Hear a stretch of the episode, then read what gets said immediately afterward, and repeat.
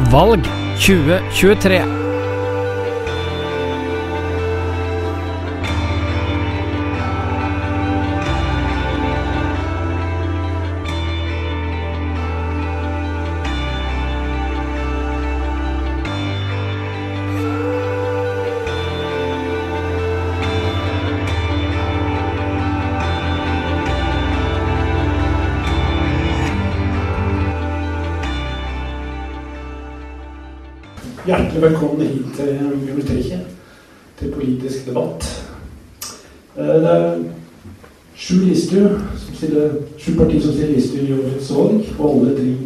er her i kveld. Og det setter vi pris på. Så har vi fått eh, Karianne å være ordstyrer i kveld. Hun har um, vært aktiv i tingsammenheng i mange år. Hun Og kjenner bygd og by. Og så hadde hun som solprins så hadde hun uh, tiltak hun ville sy gjennom. Som politikere det hadde noe Men da sier vær så god, Karianne. Tusen takk. Da er jeg på. Hører dere meg greit? Ja. Vi tar ikke noe nøye presentasjon av meg, for det er jo ikke meg det skal handle om i dag. Men isteden så skal vi få høre tre minutter fra hvert parti. Eh, og så skal vi ta tak i det de sier. Hvorfor det er viktig å stemme akkurat på det partiet og den ordførerkandidaten som vi har sittende foran oss i dag. Det gleder jeg meg veldig til, og det vil jeg håpe dere gjør også. Og ikke minst klargjøre litt ting som eh, kanskje er litt uklart når vi bare har lest eh, partiprogrammene deres. Jeg syns for øvrig dere har gjort en veldig bra jobb med partiprogrammene, og jeg syns også det er veldig bra at de stiller til valg. Så jeg syns vi skal begynne med å gi dem en liten applaus før de starter.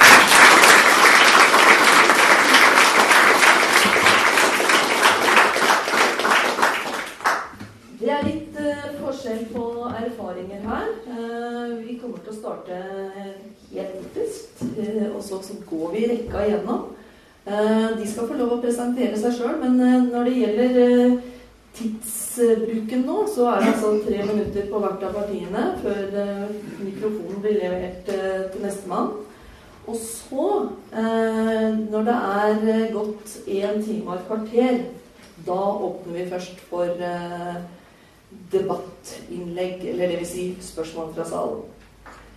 Dersom det er noe dere lurer på, eller dere ønsker å spørre kandidaten om, så er det bare å notere seg det på telefonen eller eh, bak øret, og prøve å huske det tilbake i forhold til hva vi snakker om.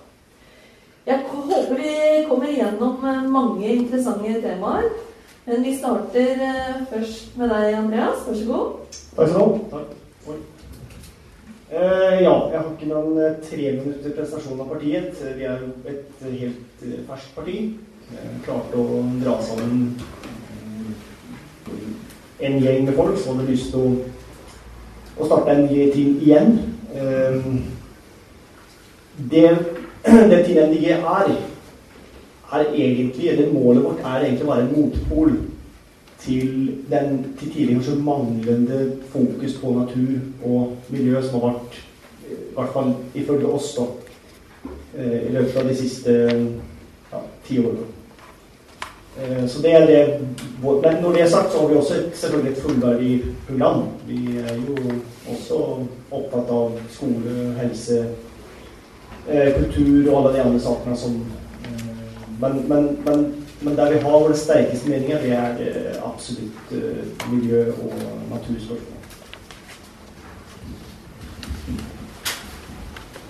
Ja, Jørn Langland til SV. Vi har prøvd å koke det ned til tre hovedpunkter. Vi vil sette innbyggerne i fokus i perioden hvis vi får bymakt. Vi vil også ha en eh, bærekraftig areal, natur- og klimapolitikk. Og så vil vi slå et slag for mer demokrati og medborgerskap. Mer åpenhet. Så i forhold til innbyggerne i fokus, så vil vi styrke laget rundt eh, barna. Vi trenger flere rundt barna våre. Og så trenger vi en eh, skole som er eksebevisst. Og så vil vi ha gratis SFO og gratis skolemat. Vi har fått tvingende frukt, og nå trenger vi litt mat. Så ønsker vi mammografibusstilbud i Tinn. Og inntil det er på plass, så vil vi ansatte i Tinn kommune muligheten til å ta en heldag fri. Eh, og så vil vi ha sykehjem som blir eh, med et innhold. Og da vil vi ha livsglede igjen, at det blir sertifisert som det. Kanskje du kan komme inn på det. I forhold til eh, bærekraftig areal, natur- og klimapolitikk så vil vi innføre et klima- og arealbudsjett i kommunen. Og forankre det i en ny klima-, natur- og energiplan som må prioriteres opp og ikke ned, som har vært i denne perioden. Og så enøktiltak hvor kommunen går foran. Og ikke minst sette av en pott, sånn at uh, de som er her i salen, som ønsker kanskje å etterisolere, gjøre litt sånne smarte tiltak, at det også er noen midler lokalt til det. I forhold til demokrati og medborgerskap så vil vi innføre, gjeninnføre ordførerpraten. Vi vil ha at en kan møte ordføreren eh, på ulike møtesteder i bygd og by, sånn at det går an å komme med innspill underveis. Med en synlig og tydelig ordfører i tid.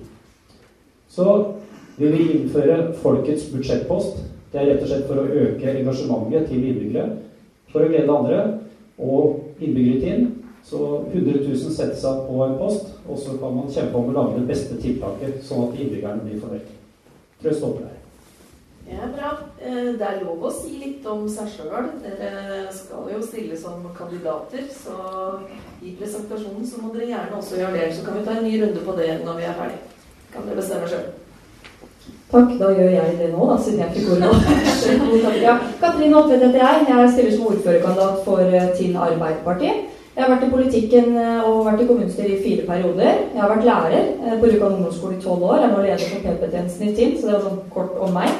Jeg er Rjukan-jente, Tinn-jente, og kommer, jeg fikk sånn spørsmål om hvor er du om ti år, så vet ikke helt hva jeg gjør, men i hvert fall i Tinn. Det var mitt svar på det. Veldig greit. Tinn Arbeiderparti vi jobber for at Tinn kommune skal være en kommune i utvikling. Og da må vi styre trygt, men vi må også tørre å satse. Og jeg tenker at den perioden vi akkurat har vært gjennom, viser at det er fullt mulig å kombinere. Vi kan nå målsettinger fordi vi har tro på ting.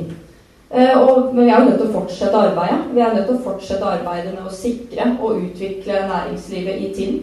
Eh, vi må også passe på og tjenestene våre, at de skal være av god kvalitet og drives på en god måte. For tjenestetilbudet vårt er jo kjempeviktig for innbyggerne. Vi må ha gode skoler, gode barnehager og en god og trygg eldreomsorg. Og i tillegg til arbeid og tjenester så skal vi også sikre en meningsfull fritid for innbyggerne våre i alle aldre. Og så er det jo også eh, viktig eh, å ha fokus på klima. De siste hendelsene eh, som har vært nå med uværet Hans, viser jo at det er behov for å tenke klimatilpassing i større grad. Når man ser at infrastruktur som vei f.eks. blir skadelidende av større nedbørsmengder. Så klima er selvfølgelig også en viktig del av vårt program. Jeg kunne nevnt flere konkrete saker, men det renner ikke så lenge. Uh, vi er opptatt av at det skal være mindre forskjell mellom folk. Det er jo Arbeiderpartiets grunnleggende politikk. Uh, det er der vi har vårt hovedfokus. Og vi må jobbe målretta for å redusere sosiale og økonomiske forskjeller. Så Eksempler på tiltak for det er da vi innførte søskenmoderasjon mellom barnehage og SFO, eh, som vi nå gjeninnførte i denne perioden. vi skal også opprettholde fri halvleie, som gjør at kontingenten kanskje for å delta i aktiviteter fortsatt kan holdes på et lavt nivå videreføre tiltak som kontingentkassa f.eks. Vi har mange gode tiltak, men vi må fortsette å holde trøkket på det. For alle skal ha tilgang til gode fellesskap i Tinn kommune. Uansett. Uh, og så er det slik at uh, De siste åra så har uh, vært mange som har opplevd utfordringer. både økonomisk, sosialt, utrygt. Det har vært pandemi. Eh, og når det har vært krevende tider, så krever det også mer av de som styrer. Og Tinn Arbeiderparti vil bidra til at Tinn kommune fortsatt skal styres trygt og være et godt sted å bo for nåværende innbyggere og fremtidige innbyggere, som vi ønsker oss veldig. Takk. Så. Ja, mitt navn er Bjørn Sverre Birkeland. Jeg har jobba i psykiatrien eh, hele livet mitt, med unntak av at jeg var ordfører i perioden 2015 til 2019 vært med i kommunestyret i uh, tre perioder og vært leder for det som heter Levegård, eller helse- i en periode. Og sitter nå i formannskapet. Um, Jeg har også noe innspill i fylkestinget sånn innimellom, for det første var at til nåværende eh, fylkesting. da. Um, politikken vår er jo sentrumsbasert. Eh, men vi er opptatt av å gi gode, lovpålagte tjenester til folket vårt. Det er først og fremst det politikk handler om. Og så handler det om alt utenom som blir liksom oppgaver som vi også må ta tak i og ha fokus på. Men det å levere de lovpålagte tjenestene er vår fordømte plikt. Og Da er vi fort over på helse og skole, selvfølgelig. Eh, dere har kanskje fått med dere at eh, Senterpartiet har stått nå i noen år på at vi skal bygge helse- og omsorgssenteret samla. Og samlokalisere det på Rjukan, nede på Bjørkhaug. Eh, det tror jeg blir bra. Vi har fire lokasjoner på Rjukan i dag. Det er psykiatri med eh, to bygg. Og så er det jo da lege- og helsestasjon eh, og fysioterapi i Hanshuset. Og så har vi jo korttidsavdeling og legevakt på kveld og natt og helg på sykehuset. Um, og til slutt Rødhushuset, eller Rjukan sykehjem.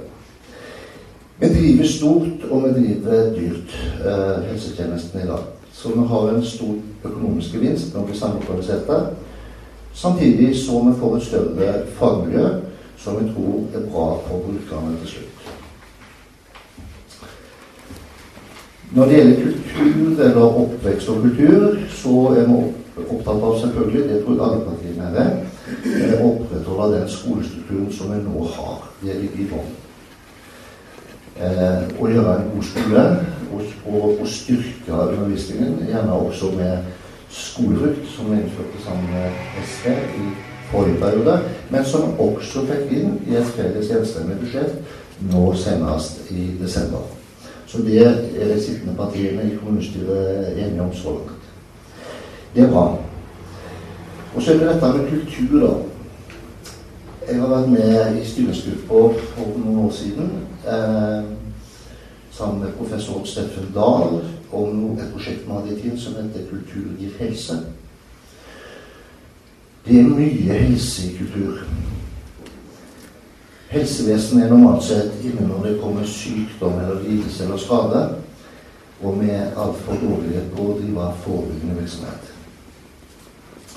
Men kultur derimot er jo en del av den forebyggende virksomheten.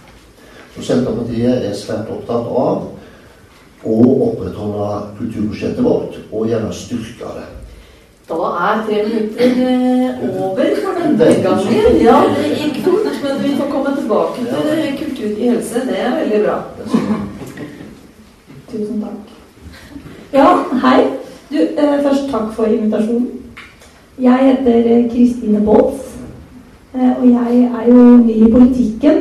Men eh, jeg har vært i manesjen et par ganger før. Men jeg er litt nervøs allikevel når jeg sitter her foran dere. Selv om det er veldig mange kjente så mange som smiler til meg sånn. Det er veldig hyggelig. Jeg har i motsetning til Katrine ikke vært sånn supersikker på at jeg skal være på Rjukan. Jeg har prøvd å flytte herfra hele livet. For så vidt. Men det er annet som gjør at, at, jeg alltid kommer tilbake hit. Da. Og, og, nå kjenner jeg på en sånn følelse at jeg faktisk har lyst til å være her. Så det er veldig, veldig deilig. Jeg er markedsøkonom i bånn, og så har jeg nå gjennomført en master i ledelse så jobber jeg i nabokommunen Hjartdal. Der jobber jeg som samfunnsutvikler og ansvar for næring og bosetting. Kort om meg. Eh, så er det til venstre, da. Vi er jo en eh, veldig fersk gjeng når det gjelder politikken, men eh, veldig engasjerte. Har selvfølgelig noen hjertesaker. En av dem er så klart kultur. Vi ønsker helt klart en styrking av budsjettet vårt på kultur. Kulturskolen er eh, kjempeviktig. Kinotilbudet vårt, sirkusskole for barn, eh, og at, eh, ja, at, vi, at, vi, avsetter penger eh, til den delen av samfunnet vårt, ser vi som kjempeviktig. Eh, jeg brenner veldig for stedsutvikling. Eh, og kjenner at jeg er nok litt heldig som er vokst opp på Milan, for da er man da man, i hvert fall når jeg vokste opp, da ble man kjent med alle i bygdene, og så alle på Rjukan. Og derfor så har jeg alltid brent veldig for eh, en hel kommune. At vi, når vi snakker eh, bo og bli så er det ikke bare Rjukan sentrum, men hele, hele Ting kommune. Og at, eh, ja, at vi tenker litt på at det er like langt fra Rjukan til Atrå som fra Atrå til Rjukan, da, f.eks. Um, når det gjelder eh, arbeidsinkludering, så er det også veldig viktig for oss. Ønsker å minske utenforskapet. Eh, og selvfølgelig syns vi at eh, en skole, en god skole er kjempeviktig. Der ønsker vi å styrke ansettelsen av helsesykepleier i både barnehage og grunnskole. Større fokus på tidlig innsats og flere yrkesgrupper inn i skolen, sånn at lærerne kan få gjøre jobben sin. Og at de som trenger ekstra hjelp, kan få det. Vi vil at Tinn kommune skal være grønn, moderne og framtidsretta. Uh, og er veldig opptatt av å ta vare på og verne natur. Uh, samtidig så har vi næring i kommunen vår som er kjempeviktig å beholde. F.eks. Uh, hyttenæringen vår på fjellet. Eh, og vi ønsker ikke å sette noen stopper for det, men være en pådriver for å hjelpe til med en grønn omstilling som er eh, nødvendig for å klare en overgang i den bransjen. Uh, vi ønsker å legge til rette for nyskaping og vekst i næringslivet. Er vi allerede der? Der er ja, men her Ja, det noe Vi kommer Vi skal komme tilbake til flere av eh, temaene som vi går fint i. Er vi flinke? Skal vi gi dem en applaus, eller? Det viser at vi er trivelige folk stort sett i politikken i Tinn også, som ellers i Tinn. Eh, og vi vil hverandre vel, alle sammen. Jeg heter Bent Frode Bystrøm, er da ordførerkandidat for Høyre. Etter at uh, vår alles kjære Steinar har valgt å finne på andre ting. Så skal jeg prøve å ta opp uh, armene fram. Eh, Tinn Høyre vil at uh, Tinn kommune skal være en kommune hvor alle har lyst til å vokse opp, jobbe og bli gammel. Vi skal en, vi skal være en skole hvor alle lykkes, være næringsvennlig og gi en trygg og god eldreomsorg. Og vi ønsker å ta hele kommunen i bruk. Absolutt hele kommunen. Vi skal legge til rette for næringsutvikling. Og her er det viktig både med de nysatsingene som, eh, store nysatsingene som kommer, men også ta vare på det eksisterende. De bedriftene som har vært der i 50-60, i 100 år, de er det viktig å ta vare på. De små en-tomannsbedriftene, kvinnebedriftene, dem er det viktig å ta vare på. Så vi må se alle. Eh, reiseliv er hovedsatsingsområdet i TIN, og her etterspør bransjen tilgang på kompetanse. Og Tinn Høyre har, eh, etter å ha snakka med en del i reiselivet, funnet ut at og hvor reiselivet etterspør altså mer kompetanse, en høyskole innenfor reiselivet. I tillegg så har vi forrige uke så var vi på Hima med, med Nikolai Astrup. Og Der etterspør man, eller vurderer man også en mulighet for et høyskoletilbud, universitetstilbud innen akvakultur, som vi syns er spennende. Så jeg tenker at det er mulighet for å bygge et høyskoletilbud i TIL. Eh, et godt helse- og omsorgstilbud dreier seg om mer enn to lokasjoner. Vi har bestemt to lokasjoner, den står vi på. Ferdig med det. Men helse- og omsorgstjenester dem eh, har vi bruk for hele livet eh, ofte. Det oppstår f.eks. demens. Vi har vedtatt en demensplanet inn. Men det er viktig at vi ser ditt behov når det oppstår. For vi må tilpasse våre tjenester etter hva du behøver. Ikke, du skal ikke tilpasse deg etter Tinn kommune. Eh, og så eh, ser vi behov for å legge til rette for de gode møteplassene. Der kan vi nevne Røde Kors Omsorg, Demenskoret, Hjørnet, fritidsklubbene. Det er viktige møteplasser. Det fins flere. Det var bare eksempel, gode eksempler. For det er viktig det at vi føler på, eller slipper dette med utenforskap. Det er så lett å falle utenfor samfunnet i dag. Og da er det viktig at vi har møteplasser med lavterskel, sånn at alle kan komme og få, få en mulighet til å treffe andre. For å føle seg inkludert. Så ser vi fram til å få opp sak om eh, flerbrukshall nå, nå, i høst. For Vi ønsker å se på muligheten for å bygge flerbrukshall eh, her på Rjukan. Det er et kjempebehov. Vi ser også at dette skal ikke være en fleridrettshall, det skal være en flerbrukshall. For det er viktig at alle skal føle mulighet, har mulighet til å inkludere seg. Det skal ikke være idrettens hus, det skal være for alle. Uansett om du driver noe organisert idrett eller aktivitet, eller om det er uorganisert. Det skal bli et hengested for ungdommen, ser vi. For det vi vet, er at dersom vi klarer å fange opp én ungdom som kan havne på skråplanet, så kan vi spare samfunnet for mange millioner kroner. Men aller viktigst vi redder det ene mennesket. Og vi er viktige for oss å se mennesket.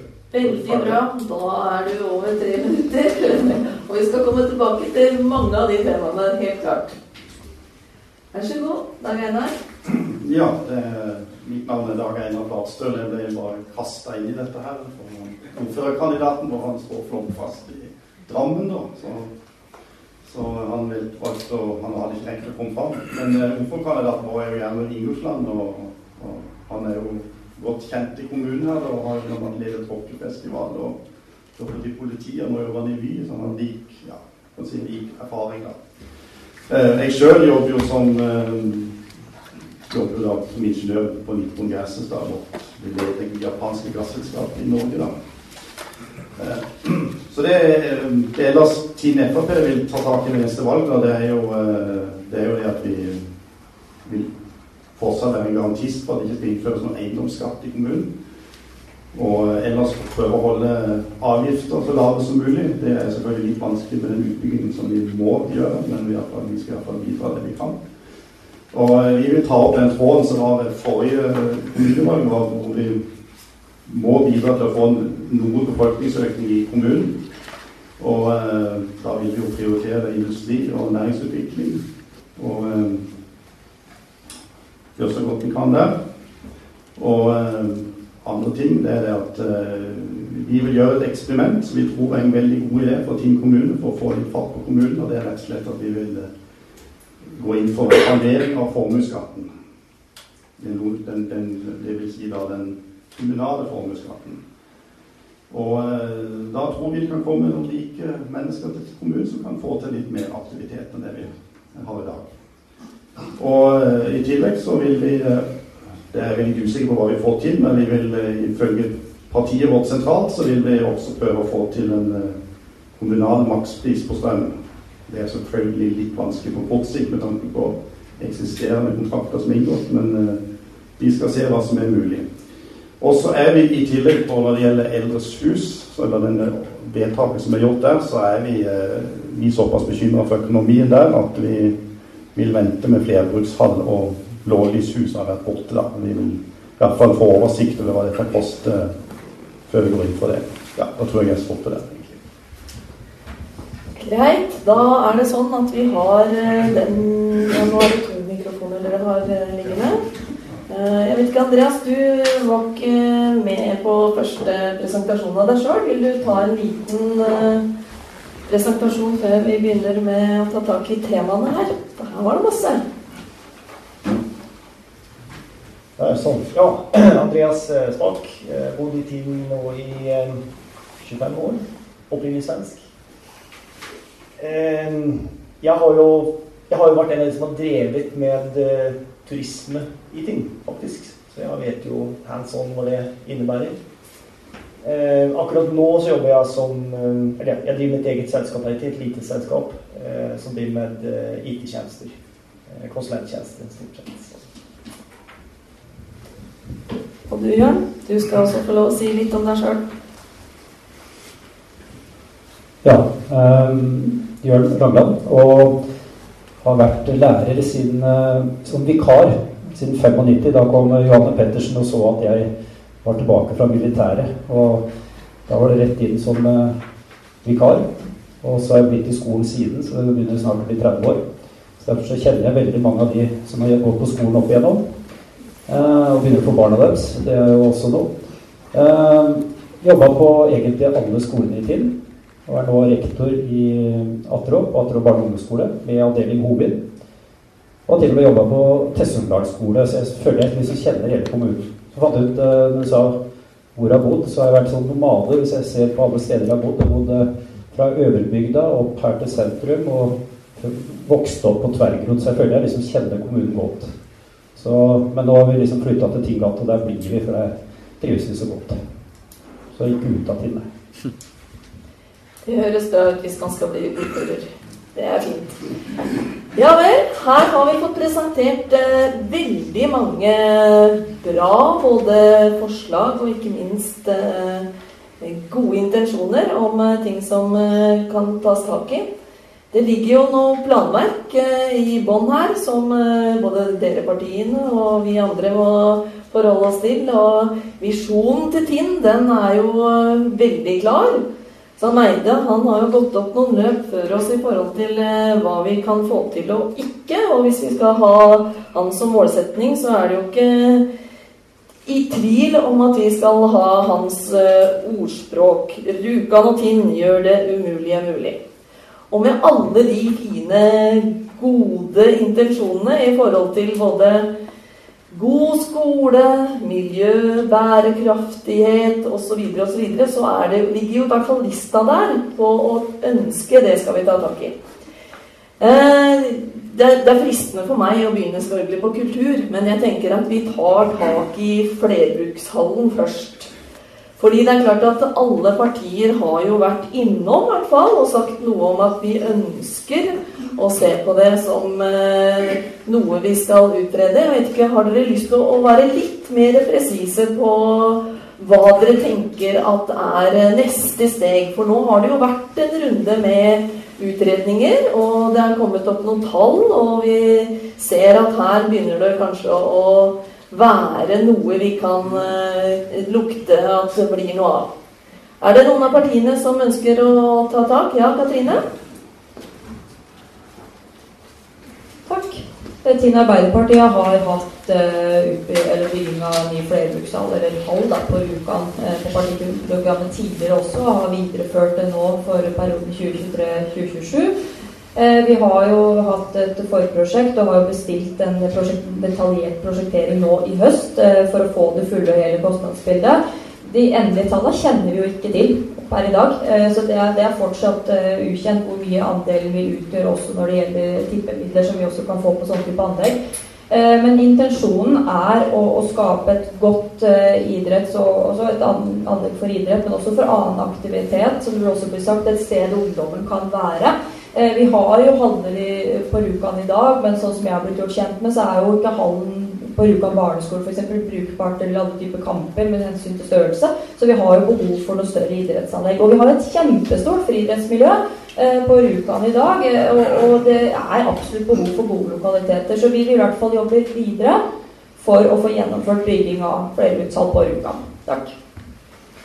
Da var det Bjørn Sverre først. Takk for det. Eh, ja, eh, jeg kan støtte meg til eh, det som Katrine nå sa. Det er med Emil. Vi har jo vært med på det vedtaket som ble et flertallsvedtak nå nylig, på å få en utredning knytta til flerbrukshall. Det betyr ikke at vi kan nødvendigvis bygge den. Vi vil ha tallene først. Hva koster det? Og det viktigste prosjektet for oss nå, det er helsehusbygget som i vår tid ble stipulert til 300 millioner eh, i 2017. Nå er det stipulert til ca. 700 millioner. Så jo lenger vi venter med dette prosjektet, jo dyrere kommer det til å bli. Det vet jo alle som har kjøpt noen terrassebord eh, siste par årene, at det er fem ganger prisen enn det vi betalte for noen år siden. Kosta det 90. Eh, så det er dyrt å bygge. Eh, så vi må se litt på tallene og økonomien før vi kan liksom sier at vi skal bygge et flerbrukshall, altså. Eh, vi må levere de lovpålagte tjenestene, som jeg sa i stad, først. Og da er det helsehus med det. Og så har vi et kjempeprosjekt. Det er ofte det som er under bakken, det vi ikke ser, som ofte er det dyreste. Og det har vi jo fulgt med, oss som forflytter oss fra Tindgata og, og opp til byen på jobb. Så har vi jo hatt noen omkjøringer der, og det er et kjempeprosjekt. Og det er kjempedyrt. Det ble stipulert en halv milliard, altså 500 millioner på noen år siden. Ja, jeg tror vi ser opp mot en milliard altså før vi er ferdig med hele ruta. Det er en utfordring som uh, Rutan og Tinnsamfunnet har, sammen med alle andre byer. For anleggene rundt omkring i landet i byene er ca. 100 år gamle, og det lekker, som jeg sier. Det skal vi også ta tak i. Men nå holder vi oss eh, til flerbrukshallen foreløpig. Og neste på lista, det var deg, Jørn. Takk. Det, når Rjukanhallen ble bygd, så var det på 60-tallet, og det var en av de få hallene utafor uh, Oslo. Så det var veldig stas og stort da. Og så er det selvfølgelig uh, også en lang tid siden den ble, ble bygd.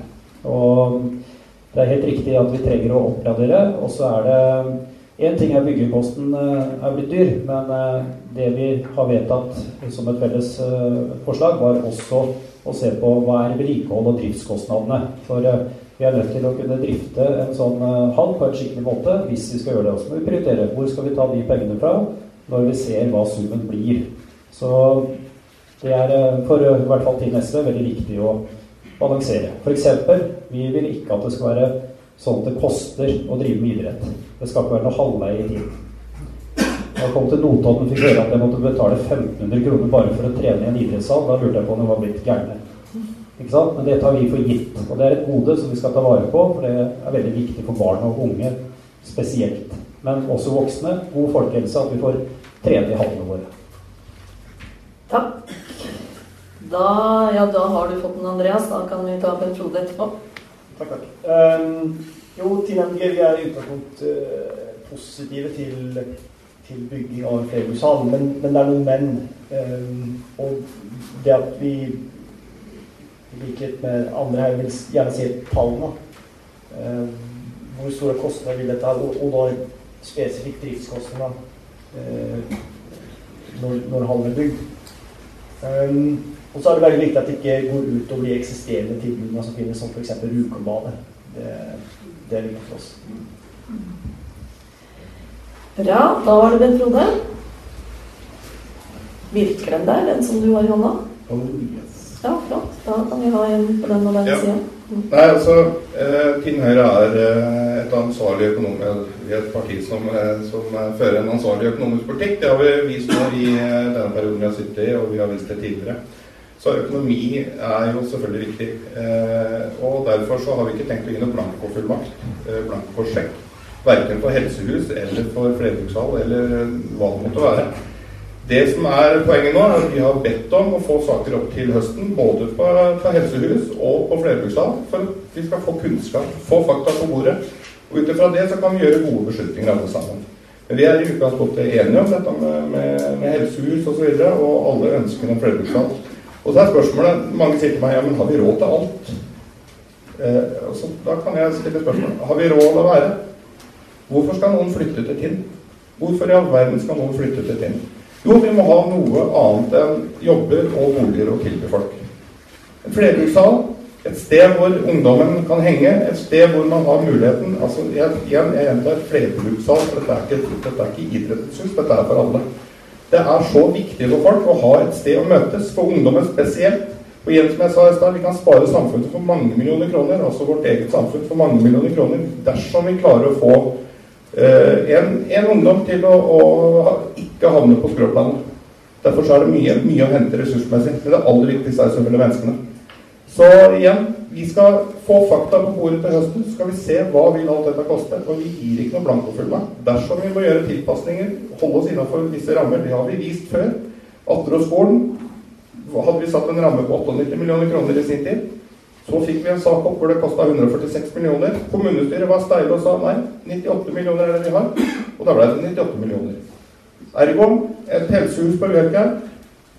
Eh, Bjørn Skjære sier at det er anslått til 700 millioner. Det vi vel egentlig har fått høre senest i sommer, er at det kommer til å bli mye, mye dyrere. Men igjen, vi, får, vi, må få vite hva vi har å forholde oss til, og så skal vi gjøre de gode vedtakene. Det kan i hvert fall folk eh, være helt trygge på at vi tilhører er bevisste. Det er bra. Da er det Kristine, så da kan du bare gi den videre, og så skal vi ta Dagene her etterpå. Ja, nei, Team Venstre har også i programmet at vi ønsker å støtte planene om flerbrukshall på Rjukan. Eh, vi er også bare veldig opptatt av at eh, økonomien i det er bra. Man skiller på den investeringen som det er, og at man får på plass hva det vil koste å drifte det. Sånn at ikke, ja, som man sier her, f.eks. det skulle gå utover andre gode tilbud som vi har i kommunen. Da, Dag Einar, hvis du bare gir videre, så Ja. Eh, Team Frp vi, faktisk, eh, vi tror faktisk ikke det er økonomisk rom for noen flerbrukshall i neste fireårsperiode. Det, det er slik at hele kommunestyret fikk jo en, eh, har jo fått en I fjor, når dette helsehusvedtaket ble gjort, så fikk jo hele kommunestyret en, en holdt på å si, en informasjon om gjeldssituasjonen i Tinn kommune, hvordan den vil bli. Og det er jo da basert på 700 millioner kroner til helsehus. Så vi er vel av de ganske enkle at Vi tror ikke det er rom for noen flerbrukshall i neste fireårsperiode på bakgrunn av økonomi, det vil jo være å sette hele kommuneøkonomien i fare. Og man risikerer jo bl.a. eiendomsskatt, som de er sterkt imot. Da har vi fått høre litt hva partiene sier om eh, dette med flerbrukshall. Eh, det er som det ligger i ordet. Det kan brukes til mange ting. Og jeg tror eh, Jeg skal ikke mene så mye om det i den sammenhengen her, men jeg regner med at det er noe vi kan komme tilbake til. Flere av dere var innom Helsehuset. Og vi kan ikke la den ballen ligge helt. Det kommer opp forskjellige typer tall her, og det har vært eh, versert forskjellige i hvert fall i partiene deres så uttrykkes det litt, eh, litt forskjellig på, på, hva dere tenker at skal gjøres med Helsehuset, som er eh, lokalisert til Bjørkheim. En av de tingene som er kommet opp ganske sterkt nå i løpet av sommeren bl.a., det er jo hva vil et helsehus på Bjørkhaug bety for sentrum?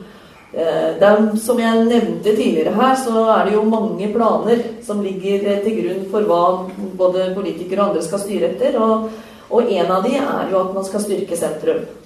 Eh, det har vært parkeringsplaner, det er næringsutviklingsplaner osv. Så, og så, videre. så hvis dere nå bare kan si litt grann hva partiene deres tenker rundt dette med helsehusplasseringen, og det at uh, vi skal bruke 300, 700 eller uh, en milliard uh, på å dra noe såpass sentralt ut av sentrum, så hadde det vært greit å få en liten runde på det.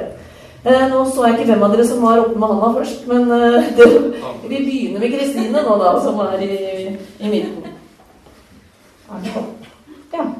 Vi er selvfølgelig positive til byggingen av et helsehus, men vi er jo i Tinn Venstre skeptiske til lokaliseringen. Og redd for hva det kan komme til å gjøre med sentrum ved å ta ut eh, så mye trafikk. Eh, jeg har sjøl drevet butikk her eh, i sentrum i fire år og vet hvor avhengig man er av daglig trafikk i sentrum. Derfor syns vi det er uheldig at konsekvensutredningen kommer etter vedtaket. Og så vidt meg bekjent så er et vedtak bare til gyldig til et nytt vedtak er fatta.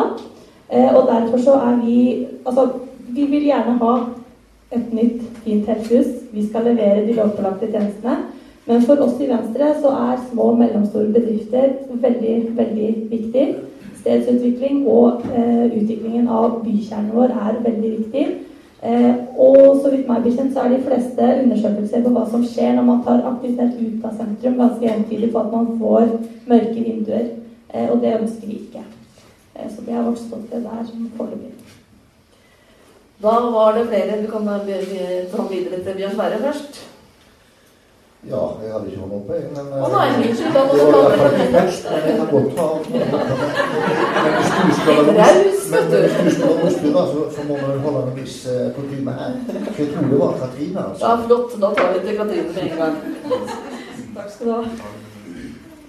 Ja, eh, vi har jo eh, nå et enstemmig vedtak om lokalisering av nytt eh, helsehus. Det har jo vært en lang, det har vært en lang ferd dit, og vi opplevde at Arbeiderpartiet at det var nå viktig å lande ned på et vedtak i det, den saken. Og så har det vært eh, forskjellige kostnader som har versert, men i de dokumentene vi hadde til behandling i fjor, da vi vedtok det enstemmig, så var det helt tydelig sluttkommentar på de papirene at det, et ordentlig kostnadsestimat og i det hele tatt andre typer kostnader rundt både rasing osv. det forelå ikke. Så vi hadde ikke noe nøyaktig kostnadsestimat før, eh, og det har det heller ikke ennå. Men det har jo ikke vært klart før heller. Eh, det er jo nødvendig, ser man etter faglige anbefalinger, også samlokalisere disse tjenestene. Eh, samtidig så ser vi jo de bekymringene som kommer fra de som driver i sentrum. Det tror jeg alle bordet her skjønner, har forståelse for. At det er noe som selvfølgelig man, man tenker mye på. Hva skjer med trafikken her da? I kommunestyremøtet rett før sommeren nå så ble det jo et eh, tverrpolitisk foreslått og enstemmig vedtatt forslag om at man skulle få utarbeidet en konsekvensanalyse for handel og service i Rjukan sentrum, og også se på mulige avbøtende tiltak for at trafikken da kanskje endrer seg noe. Parallelt med det, og i fortsettelsen av det, så skal det også jobbes ble det også sendt en bestilling på å jobber, som sørger for at sentrumsplanen kommer i fokus, at man får oppdatert parkeringsplan og andre typer tiltak som man tenker kan være viktig inn i å styrke sentrumsattraktiviteten. Og det var jo alle partiene med på. Det var viktig for posisjonen i dag å forankre dette tverrpolitisk, sånn at det ikke skal være noen tvil om at kommunestyret i Tinn ønsker eh, å ta dette på alvor, det som eh, har kommet fram av bekymringer. Takk. Da tenker jeg vi skal Ja, vi må ha Jørn først, og så eh, Bent Frode. Ja, nå, nå har dere fått høre egentlig bakgrunn for uh, det vedtaket, som er enstemmig, som vi er glad for. Det, er en, uh, det har vært snart åtte år i politikken og har jobba lenge for det. Og mens tida går, så blir det dyrere og dyrere. Derfor er jeg veldig redd for det Kristine og Venstre sier. Hvis vi må ha et nytt vedtak for å se på ting en gang til, så blir det bare dyrere, og vi er nødt til å få bygd dette her så fort som mulig. Hvis ikke så får vi en veldig dyr drift som vi ikke har råd til. Og da går det utover alle andre områder. Så det er veldig viktig at dette vedtaket står seg også etter valget. Er det ikke også viktig å være ansvarlige økonomiske eh, politikere, da, som tar eh, alle hensyn og, og får opp de tallene som eh, vil nødvendigvis måtte vurderes og prioriteres? Ja. Og etter åtte års vurdering og prioritering så har vi som har satt oss veldig godt inn i disse sakene, sett alle rapporter, vi har landa på det vi nå mener er det mest fornuftige, faglig og økonomisk. Okay. Da må du stole på oss, da. Og det spørs. Ja, det var det. det var, tillit er viktig. Andreas? Men, ja, da har jeg et spørsmål. Jeg har jo uh, ikke vært med i åtte år. Og, men det er, altså, det er altså blitt tatt et vedtak uten at man har kostnads oversikt over kostnadene. Og man har da tatt et vedtak uten å vente på en konsekvensutredning. Nei? Katrine, kanskje du bare svarer raskt på det? Vedtaket eh, gikk på å få utreda kostnadene, men lokaliseringen ble bestemt. Har vi kostnader? Nei, de, de kommer i, i høst. Så da er vedtaket tatt uten at Ja, at man skal lokalisere, og at man skal få utredet uh, kostnadene. Ut fra den bestillingen som ligger per i dag, og det er det allerede et firma i gang med å gjøre. Ja, så vidt et, to, to, to setninger. ja, man må være litt greie med ja, det er bra. Med. Og den konsekvensutredninga kommer jo fra, i forhold til bekymringa fra sentrum og sentrumsutvikling. Så det går en konsekvensanalyse på hva dette vedtaket vil gjøre, og hva vi kan gjøre av avbøtende tiltak i forhold til det. Og det var ikke så utreda i den første, for det var en sak om fag og økonomi i forhold til helse og sosial. Da må vi sende nedover. Altså, vi i TN Høyre er et ansvarlig parti. Vi tenker økonomi. Selvfølgelig gjør vi det. Sånn at vi har ikke altså, vi har ikke kunnskap om hva dette vil koste. Totalkostnaden får vi ikke før nå på høsten. Så vi kan ikke si nå at uh, vi bare bygger åkke sånn, for det gjør vi ikke. Vi går ikke med på det. Vi må, altså, vi må ta hensyn til framtidas uh, økonomi for kommunen vår. Så dersom dette, vi føler at dette bygget her blir for dyrt, så må vi se på å nedskalere eventuelt og gjøre om på, på planene. Men at lokasjonen er, er, der, ja det er Og så skal vi selvfølgelig ha Vi har bedt om en konsekvensutredning.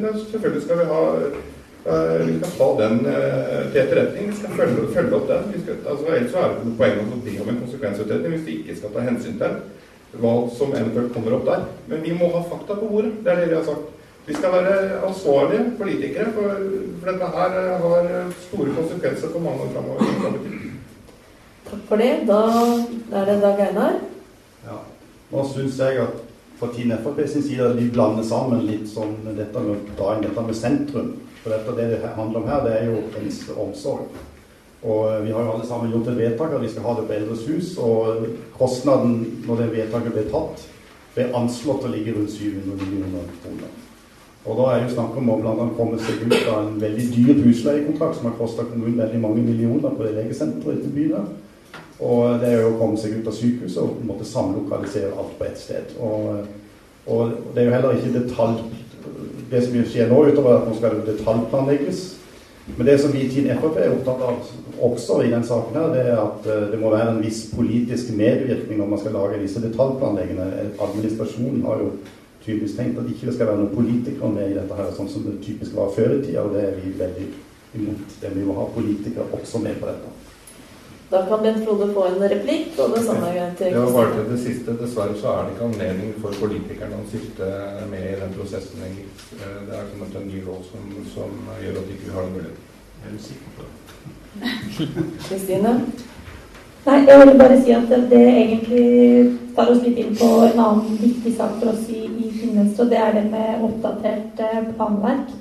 Eh, og det med en, eh, en sentrumsplan som sier noe om hva slags type areal som er mulig å utnytte. Eh, for vi er veldig opptatt av fortetting med kvalitet i sentrumet vårt. Og det kan godt hende at vi tar feil, at, at det ikke skal ligge i sentrum. Men det kjennes bare som det ikke er utreda godt nok med tanke på hva slags type areal vi har igjen her oppe som det er mulig å bruke. Takk. Da, Bjørn Sverre, du ba om ordet. Ja, vet du.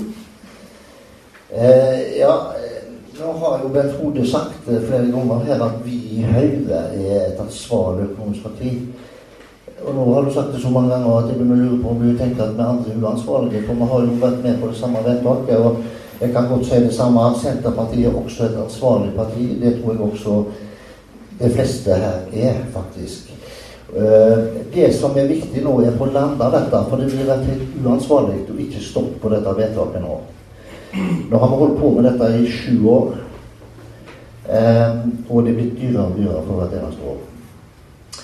Så det rundene med, eh, rundene med utredninger de har vi hatt noe av nå. Og så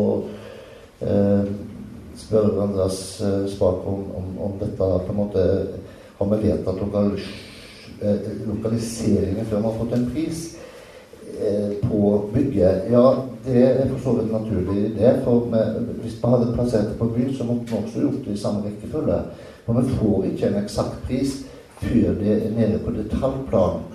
Og da er vi jo langt inn i nesten byggeprosessen, for å si det sånn, da. Så der er vi nå. Eh, eh, Senterpartiet er også litt bekymra for, for sentrum. Så vi skjønner den bekymringen for deler av næringslivet. Vi gjør det. Det er derfor vi har bedt og enstemmig bedt om en, en plan på avbøtende tiltak, en utredning knytta til det. Og den venter vi spent på, og vi skal være positive til å eh, støtte avbøtende tiltak til sentrum. Så får vi komme tilbake til detaljer det måtte bli. Takk. Eh, Bent Frode, du hadde en eh, hånd oppe, ville komme med en replikk. Ja, nei, da jeg påstår ikke at du er uansvarlig, men andre er uansvarlig. Det er ikke sånn ment, så da be- beklager jeg hvis det oppfattes sånn. Det er ikke det jeg mener. Men eh, det kan høres ut kanskje for noen at eh, her skal det bygges koste hva det koste vil. Det er det jeg mener med at vi må, vi må få fakta på bordet. Vi må få kunnskap. Er prislappen for høy, så må vi se på ok, må vi gjøre noe med prosjektet. Eh, det er kommet opp et forslag fra administrasjonen som eh, ble vedtatt eh, i Helse- og omsorgsutvalget. Kommer opp nå i kommunestyret. Eh, angående Bjørnlandsveien, for å se på muligheter for å avlaste bygningsmassen der nede. Gjøre plass til eh, sånn at vi får på plass det vi skal der nede. Det er det jeg mener med å være ansvarlig. Vi, må, vi kan ikke bare si at bygg koster hva det koster vil. Vi må ha kunnskap og fakta på bordet. Takk. Vi tar noen få replikker til før vi går over til neste tema. Eh, Katrine, du kan gå først. Takk. I tillegg eh, så er det også viktig å ha med seg at vi investerer jo også for å få en mer effektiv drift. At vi kanskje kan spare noen penger på den driften vi har per i dag. For man vet jo det, at det koster penger og blir dyrere å drifte på flere lokasjoner. Det gjelder jo de fleste typer tjenester, men eh, her i tiden så har vi jo helse og omsorg lokalisert på ganske mange lokasjoner, og en, en besparelse på driften vil jo også være til gode for oss sånn økonomisk sett. Altså Det er jo ikke bare investeringen og det vi skal legge inn i det, men det er også det vi får inn i drift. Jørn, da en kjapp en. Ja, nei, det høres ut som vi tillegger en sånn mening i Team SV at vi vil bygge et sånt stort, eh, overdimensjonert Vi skal bygge akkurat det vi trenger. Og det er jo det vi har fagfolk til i kommunen. Og vi må ha tillit til at de bygger ikke mer enn de må. Og selvfølgelig så skal vi medvirke politisk til at det blir et bra bygg. Men da er det på mer på innhold og andre ting som vi kan påvirke. Men vi er nødt til å ha dette for å møte den eldrebølgen som kommer. Det er bare å se på befolkningssammensetningen. Det kommer. Det er ikke noe vi lurer på. Det vet vi. Ja, det tror jeg vi skal være helt sikre på. Det er noe som gjelder på, andre, på alle steder. Eh, og da tenker jeg altså Politikk er prioritering av fellesskapets ressurser. Det er noe vi alle veit, og det er noe dere er de som må håndtere eh, for oss. Eh, og en av de tingene som går igjen i absolutt alle partiprogrammene, det er dette med bolyst og det å bli i Tinn, og gjerne det å få flere tilbake til Tinn, eh, få flere til å flytte til Tinn, få flere til å bli i Tinn. Jeg tenker, Hvis dere nå tar en liten runde rundt og sier hvilke tiltak, topp tre-tiltak er det vi skal eh, prioritere for å få folk til å bli Tinn, eller for å få dem til å komme til Tinn? Hvem ønsker å starte? Der spratt det noen hender opp. Da begynner vi borterst, Andreas.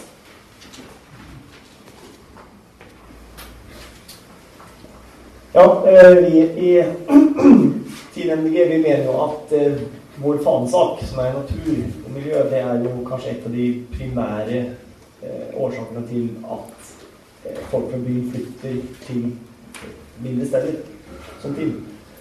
Når det er sagt, så er jo også næringsutvikling veldig viktig. Um, vi i Team MDG vi ønsker å satse på de små bedriftene. På de små bedriftene i Tinn.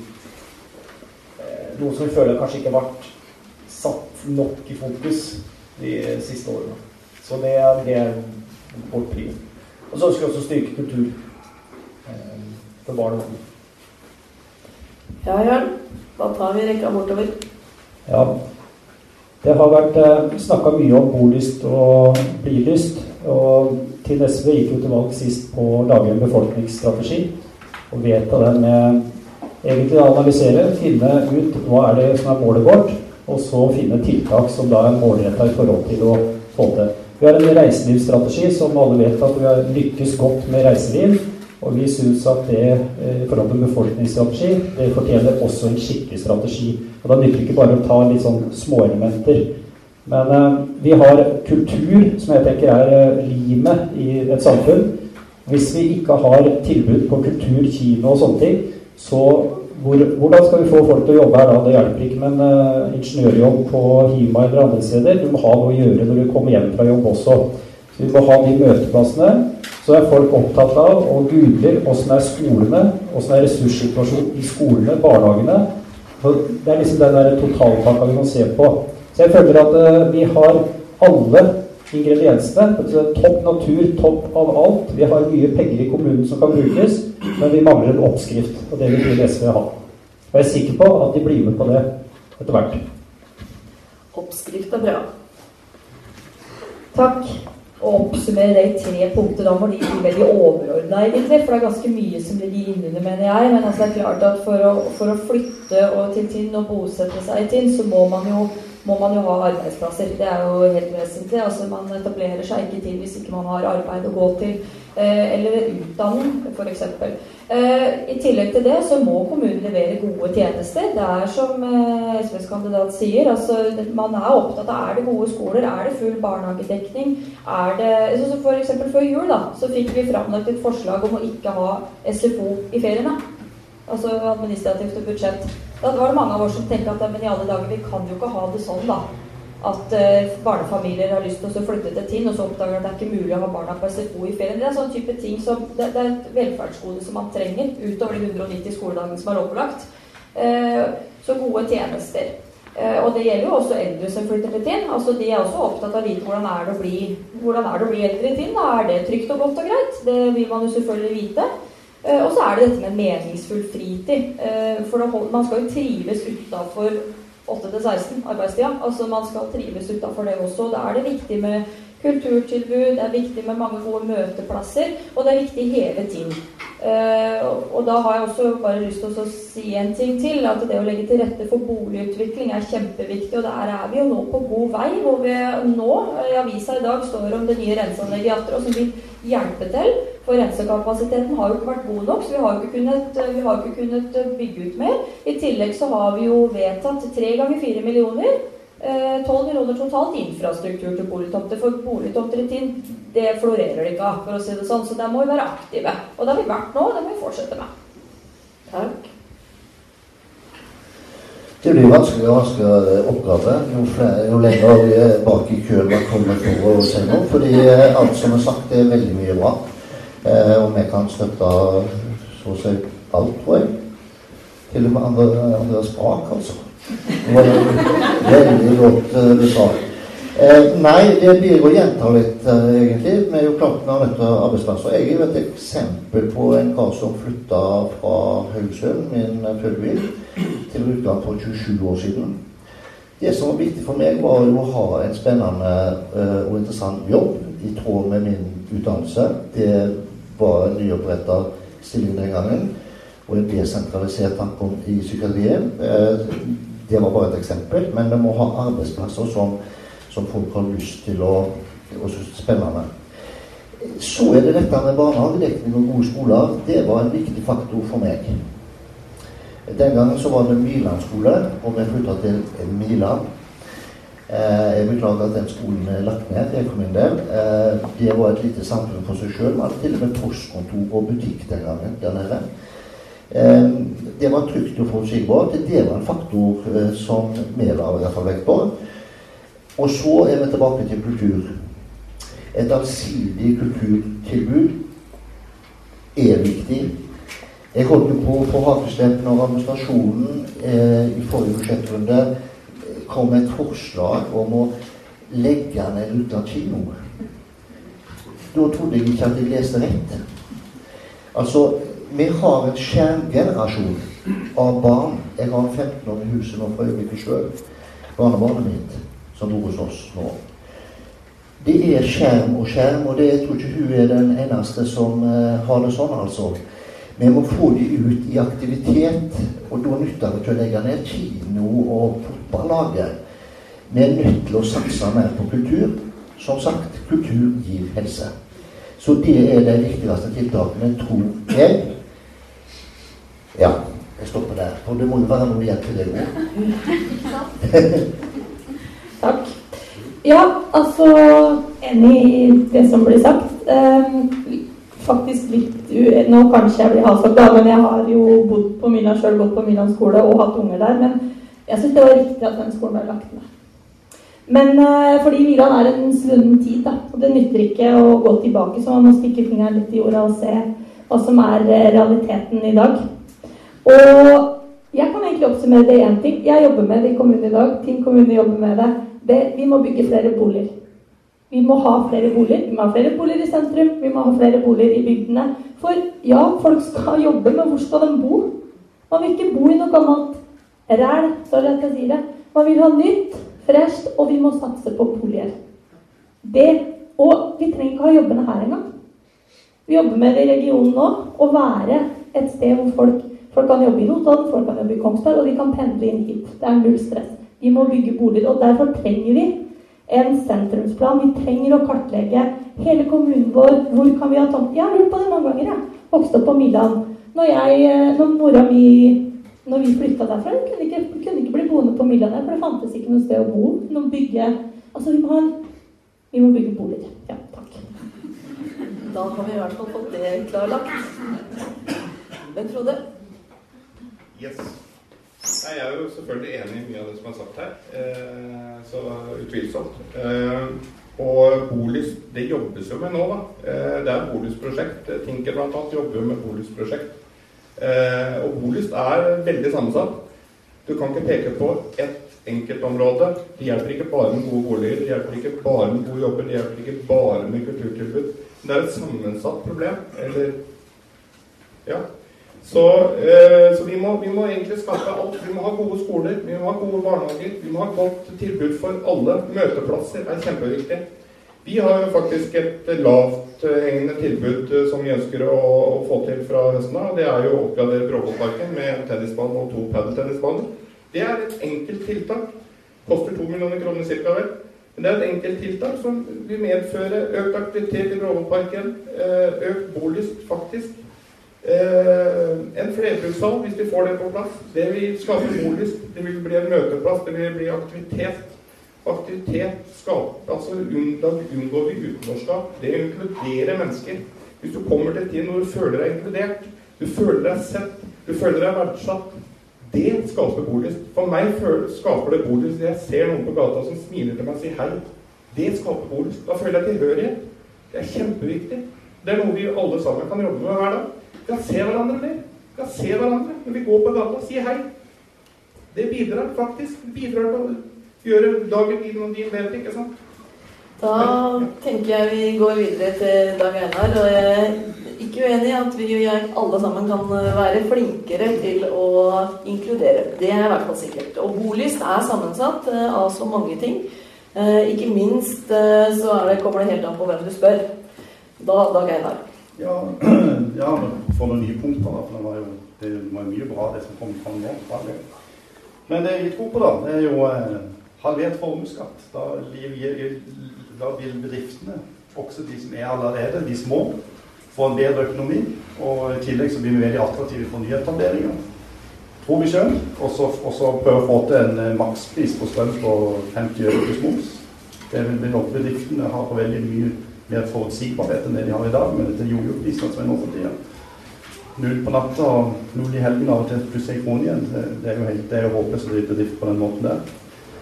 Og så har vi en ting på kultur som ikke har nevnt. og det er som er, eh, i, for, I den perioden som har vært nå, så er det slik at vi har blitt foreninger og lag og foreninger har blitt fratatt muligheten til å søke penger til, fra den kommunale kulturmidlene til, til, til drift. Vanlig drift. Og det er faktisk vanlig drift som eh, faktisk koster penger.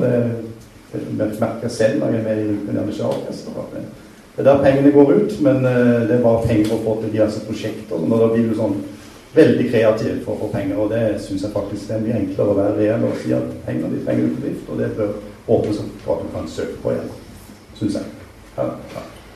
Da var det et par stykker som var oppe med replikkfingeren sin. Eh, Jeg ser tida går veldig fort, og jeg bare Jeg syns dere har vært innom eh, temaet bolyst eh, alle sammen. Og som sagt så er det litt avhengig av hvem du spør. Hvilken målgruppe er det vi snakker til når vi snakker om bolyst?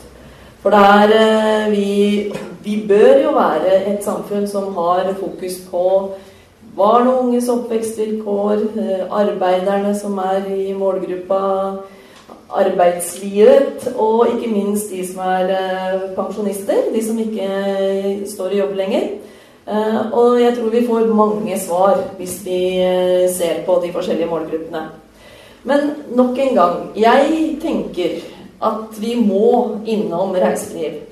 Eh, Kommunen har det som eh, et eh, stort, stort mantra at vi skal være en reiselivskommune. Vi jo, har jo naturgitte forutsetninger for å ha masse turister innom her. Likevel så må vi tilrettelegge for at turister skal kunne komme til oss. Og en av de tingene som vi har som politikere har jobba med i mange, mange år, det er jo sentrumsplanen, men ikke minst parkeringsplanen. Og Den siste planen jeg fant eh, i kommunen i så måte, det var eh, Rjukan sentrum eh, parkeringsplan fra 2015. Jeg vet ikke status der. Eh, hvordan ligger det an med prioriteringer i forhold til parkeringer og reiseliv? Jeg vet ikke. Katrine, du var først oppe.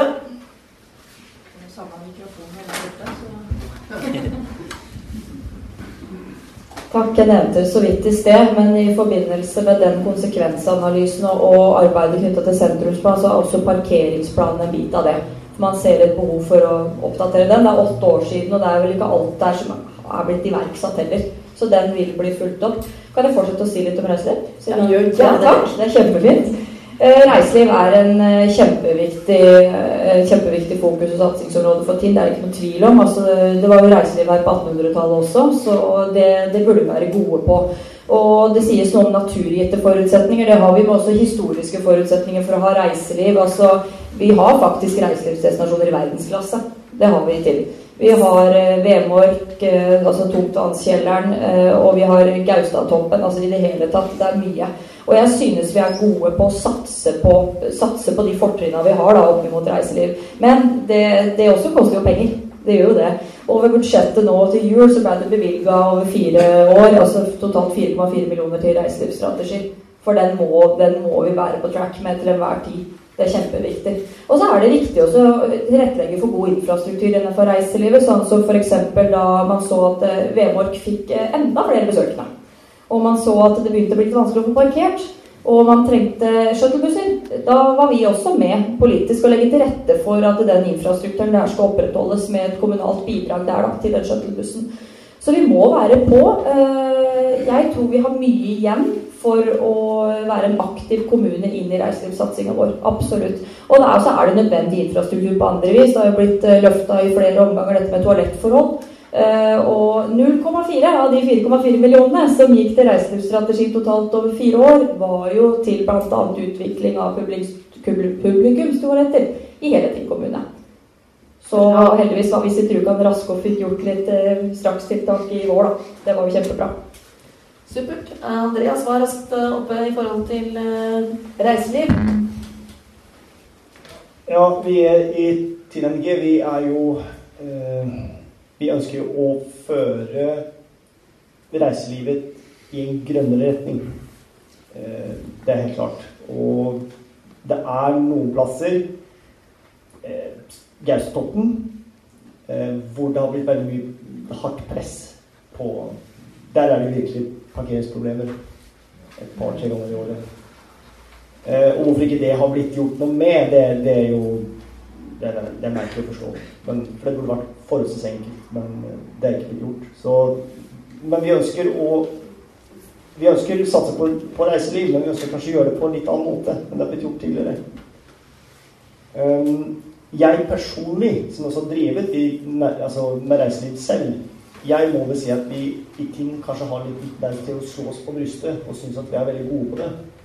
Mens vi er nok ikke så gode som vi tror. Dessverre. Det kunne jo vært interessant å tatt videre, men eh, det overlater jeg til salen etterpå. Ja, ja, Jarl, du kan få deg en liten eh, runde på den. Ja, I forhold til utbygging og hytter så, og satsinga på Gaustadblikk, så er det veldig bra. Men til SV er veldig engstelig hvis det skal begynne å bli kanskje filialer og etter hvert butikker, og at det blir en sånn eh, egen landsby der oppe. Da er det i hvert fall skummelt i forhold til sentrumsutvikling. Så det tror jeg er veldig viktig å tenke. At det er sentrum og butikker, det skal vi ha her. Og håper at det er en tverrpolitisk enighet om. For hvis ikke, så blir det veldig fort en død av butikker i Tinn, eh, på Rjukan og sentrum. Og så må vi opp på fjellet hver gang vi skal ha noe annet enn melk og brød. Og det har ikke jeg lyst til. Den er grei. Da, Kristine.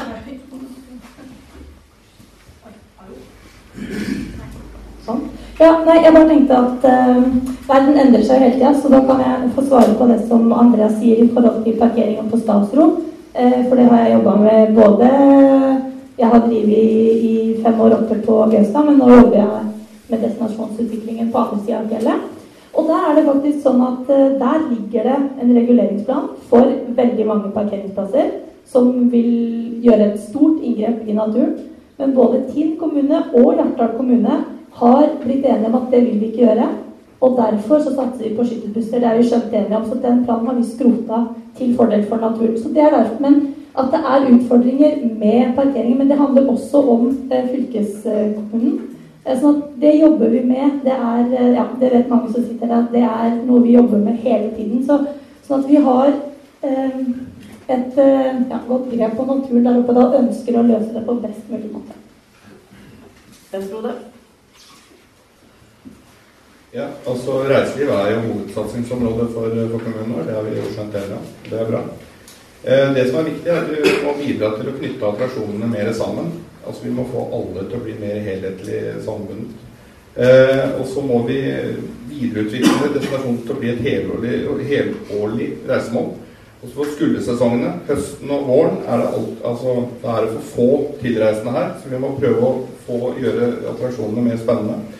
Eh, Jeg er så heldig at vi har vår andre kandidat, Siv Hege Langeland. Hun jobber som prosjektleder til nei, Visit Rjukan.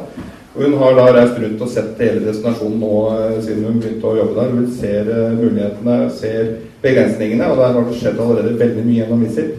Ikke fordi at du er vår andre kandidat, men hjelper på. Eh, Så vi ser at det er masse muligheter derfor, men vi er nødt til å gjøre noen små grep og noen litt større grep. Men reiseliv, det må vi satse på, definitivt. Da blir det gondolbane, da. Ja, debatten der. Skal vi dra opp den hvis vi skal ordentlig satse litt? På tvers av fjellene og de i det hele tatt. Ja, nå- Unnskyld. nå- Takk, Einar. Det var solprinsen som talte. Men det er jo jeg også at uh, vi må jo ikke bare reiselivet i denne kommunen, vi må jo ha litt industri òg. Så, uh, så da syns jeg kanskje at kommunen kanskje ikke trenger å bruke så mye penger på å utvikle reiseliv at vi kan bruke det på andre ting. Men uh, det er min mening, da. Eh, Ja, en liten replikk her, og så går vi bakover i køen igjen. Ja, som jeg var inne på helt å begynne med. Det å sette reiselivsnæringa i stand til å utøve og gi eh, de tilreisende den, eh, den å gjøre den attraksjonen så god som mulig. Da er vi nødt til å sette de i stand til det. Og gjennom en, da, en høyskole innenfor reiseliv vil gjøre de i stand til å få stabil arbeidskraft og en arbeidskraft med veldig god kompetanse. Det er kjempe, det er noe vi må, må få til neste år. Yes, da tar vi et par replikker Men, her. men Ja. eh, før replikkene, er det ikke mulig at jeg som kandidat skal si noe? Skal du si noe nå? Ja, Plutselig. Jeg syns du har sagt så mye, så, og ikke rekker opp hånda heller. Så da Ja, ok, da. Det er greit. Nei, jeg har ikke så mye å tilføre. Det er sagt mye bra her om reiseliv. Det er jo en av hovedsatsingsområdene. Og så er det jo ikke helt riktig at det ikke har skjedd noe på Stafsro, for der har vi jo hatt store parkeringsutfordringer.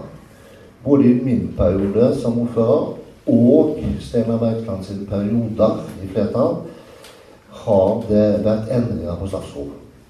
Jeg har personlig vært oppe der og vært eh, parkeringsveileder i, eh, midt i fellesferien.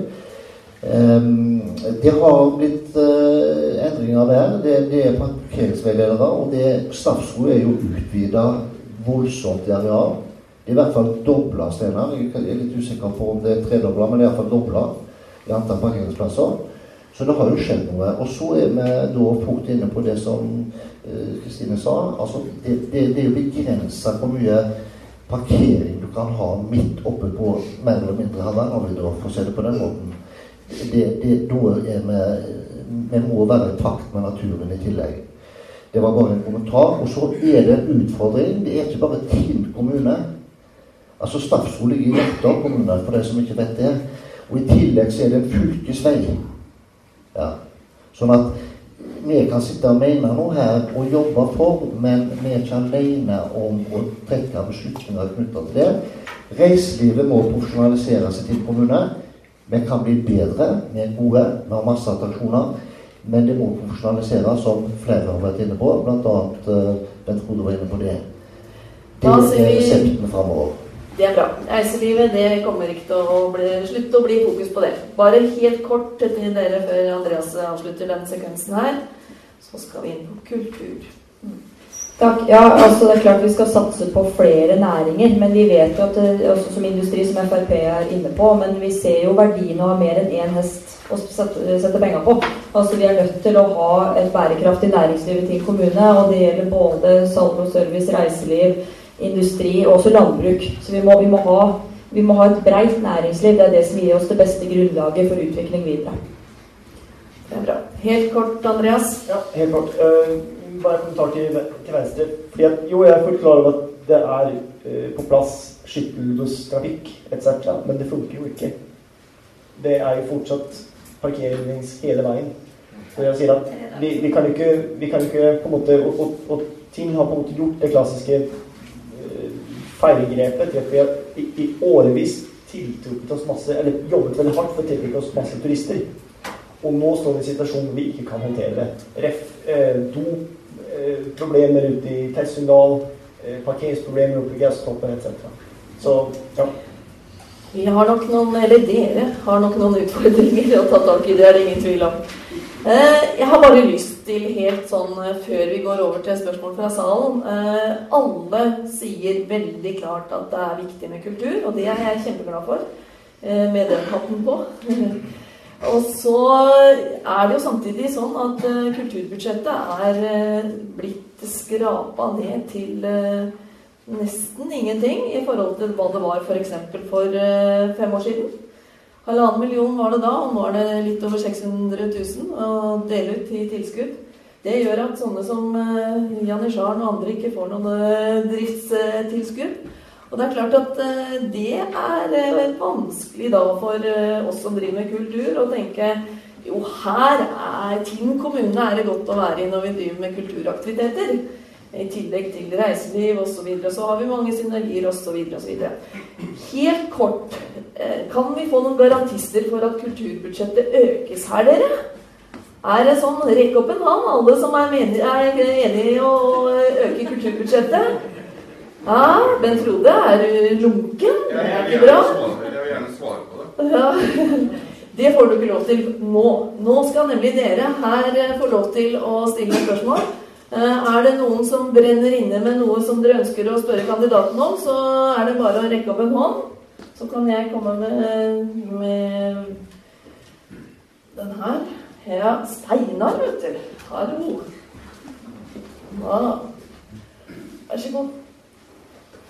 Takk skal du ha. Eh, takk skal du ha, Karanne. Eh, I hvert fall to av partiene har vært tydelige på at de vil begrense hytteutbyggingen i eh, kommunen. Det er MDG og SV. I lokalavisa RA for et par uker siden viser Nav til at uh, Tinn kommune går mot strømmen når det gjelder arbeidsledighet. Fra 2,3 til 1,6% Hvilke tiltak vil MDG og SV legge til rette for for å opprettholde arbeidsplassene innenfor serviceyrkene, butikk- og salgsmedarbeidere og bygg og anlegg. Når vi vet hva hytteutbyggingen gir av arbeidsplasser og ringvirkninger for nettopp serviceyrkene, butikk, salgsmedarbeidere, bygg og anlegg. Hvem av dere har lyst til å Ja, da har du en mikrofon på den sida der. Så skal jeg hente Steinar. Du har ett spørsmål til. Er det greit? Siden jeg er ordføreren? Ja, ok. Jeg svarer på dette først. Ja. Eh, altså, Steinar, alt har jo en slutt. Altså, det fins en grense for alt. Vi kan ikke fortsette og fortsette og fortsette å bygge eh, hytter altså, og, og, og, når det er sagt, så er det også Det er jo ikke en bærekraftig det er, ikke bære, det er ikke bærekraftig næring i forhold til at det vil i all fremtid gi eh, arbeid til eh, anleggsarbeidere, snekkere etc. Så det Tinn NDG ønsker å satse på, det er jo heller eh, næringsutvikling utenom eh, hytteutbygging. Utenom eh, på en måte alt som på en måte setter spor i naturen og gjør inngrep i naturen. Og det er fullt mulig, fordi det er jo mange andre eh, kommuner som, som lykkes veldig godt med. Ja. Ja, det er mye turisme som ikke handler om eh, hytter. Og vi har ikke sagt at vi skal slutte å bygge hytter i Tinn kommune, men vi har sagt at nå må vi diskutere hvor vi setter en strek. For det, i de planene som ligger, å få oversikt over de som ligger Det er bl.a. en eh, tanke om 400 hytter på Møsvannsområdet. Og det er klart hvis alle hytter skal bygges ut sånn som det er nå, så begynner vi å nå en smertegrense. Den naturen vi bygger ned, den kommer ikke i retur. Og Derfor vil vi også ha det arealbudsjettet hvor en ser hvis vi bygger ned et sted, så må man kanskje restaurere et annet sted, sånn at vi går i null. Og jeg er enig med Andreas her. Det er eh, mange måter å drive bærekraftig. Og hytteutbygging det er en sånn kortvarig gevinst. Det er en byggeperiode, ja. Drar du på Gaustablikk og ser nå, så er det ikke veldig mange tilregistrerte biler å se der. Eh, så en eh, polsk bil med norsk reklame. Så dette her er selskaper som kommer fra hele landet og skummer. Og så har vi kanskje de selskapene her som driver med vedlikehold. Og det kommer det til å være nok av med alle de hyttene som er. Var det svar godt nok, eh, Steinar? Ja. Men fortetning på Gaustablikk, det er jo fortsatt mulig. Det er bra. Det, det prates jo ofte om hvor stor verdi hytteturistene har for, for tiden. Men, men hvem har tall på dette? Er det noen som har tall? I 2016 så ble det utført en ringvirkningsanalyse på 2015-tall. Og de ringvirkningene eh, som hytteutbyggingen i Tinn representerer, det er mange, mange titalls millioner kroner. Så du kan spørre S, du kan spørre snekkeren på hjørnet, hvor de har øh, sine ansatte. Eh, anbefaler eh, SVs Jørn Langeland å kjøre en tur nedover Silreveien klokka seks om morgenen. Du møter ti ATH-biler, du møter tre VVS-biler. Det er eh, håndverkere eh, fra bygdene. Eh, det, er ikke bare Gaustablikk, det er Skilvedalen, det er Alle bygdene i din har store hyttefelt og, og en. Jeg tror vi setter strek der. Vi er nødt til å gå innom med noen andre temaer og slippe til andre også. Du ba pent om å komme med et spørsmål til. Kjapt. Ja takk. Eh, det var en eh, paneldebatt i Atro om utsagn fra ordførerkandidaten fra SV. Og så kommer sitatet. Vi har vel lært at vi ikke skal tro på kommunedirektøren når de har vært år, hvert år truer med kutt og krevende kommuneøkonomi. Det vi opplever år etter år, er en kommune som lever bedre enn antatt. Om SV skulle komme i posisjon, hva vil representanten fra SV gjøre annerledes i forbindelse med kommuneøkonomi nå enn da SV satt i posisjon fra 2015 til 2019, da de leverte negative resultater, eller på kommunespråket merforbruk, for to av årene 2018 og 2019 og måtte bruke av disposisjonsfondet for å saldere budsjettet? Et kjapt svar der. Kjapt? Ja. Gjerne det. For det første så Det merforbruket som Bergstrand refererer til, det er ikke et merforbruk. Det er mindre i forhold til TBU sine tall som er 1,75. Nå blir dette veldig teknisk, men det var et teknisk spørsmål også. Så Tinn kommune har ikke gått med underskudd i forrige periode. Og det var etter budsjett, så det gikk også på budsjett med et overskudd på det vi hadde sagt. Da tror jeg vi legger den eh, tekniske debatten der eh, død, og så slipper vi til deg, Ari. Du har bedt om ordet. Ja, takk. Eh, jeg har bare lyst til å si bare litt, litt og for Steinar. For at når han reiser nedover og møter alle bilene oppover, så er det bl.a. elektrikere og sånne ting som vi aldri får tak i her nede. Så det er ikke bare fordeler med å ha dem på fjellet? Jeg, jeg syns det er litt spennende dere er framme. Jeg syns dere er veldig mange flotte kandidater. og Det skal bli spennende å, å følge dere. Men jeg er jo litt opptatt av dette nede på Bjørkøy, da. Og eh, jeg blir litt sånn eh, eh, usikker på Høyre oppi det her. Jeg syns Katrine var veldig klar. Eh, hun eh, sa at Arbeiderpartiet vil gå for eh, nybygg. Og det er veldig bra. Men når det gjelder Høyre, så, så blir jeg litt usikker. fordi at Nå må jeg ta på meg brillene. Fordi at Du sier at Høyre står for to lokasjoner. Men jeg spør når og hva. Og så sier du samtidig at det, det er ikke blankosjekk for helsehus. Hva er det du egentlig mener? Og jeg vil også si det som Katrine var inne på, at når dere snakker om at det blir så veldig dyrt, så tror jeg dere glemmer litt det som hun var inne på, at med den driftsformen vi har i dag, så er det utrolig kostbart. Og hvis vi klarer å samle dette under et tak, så vil dette eh, gjøre noe med, med økonomien oppi, oppi, det hele. Men jeg har lyst til å høre hva er det Høyre egentlig mener. Vil dere gå for helsehus, eller vil dere utsette det med de konsekvensene det vil få i lang tid framover? Ok, Kort svar. Ja. Vi vil gå for helsehus. Punktum. Det er ikke noe tvil. Men det vi har sagt, er at eh, vi må ha fakta. Vi må vi har kunnskap om pris. For det, hvis det blir en prislapp på la oss si 1,5 milliarder kroner, så kan vi ikke bare gå for det. Da må vi se på er det, er det mulig å gjøre endringer, sånn som man har foreslått allerede fra, fra administrasjonen. Eh, man har foreslått eh, det huset oppi, ene huset oppe i Bjørnlandsveien, å se på det som et alternativ. Men vi har vært helt klare, vi vi, går, vi står for det, det vedtaket som er gjort i juni. Det skal ikke være tvil om det. Men det, det er ikke koste hva det koster vil. Men vi må ha fakta på bordet. Og når du sier det med besparelser Vi har ikke fått eksakte besparelser heller på altså, hva vil vi spare på.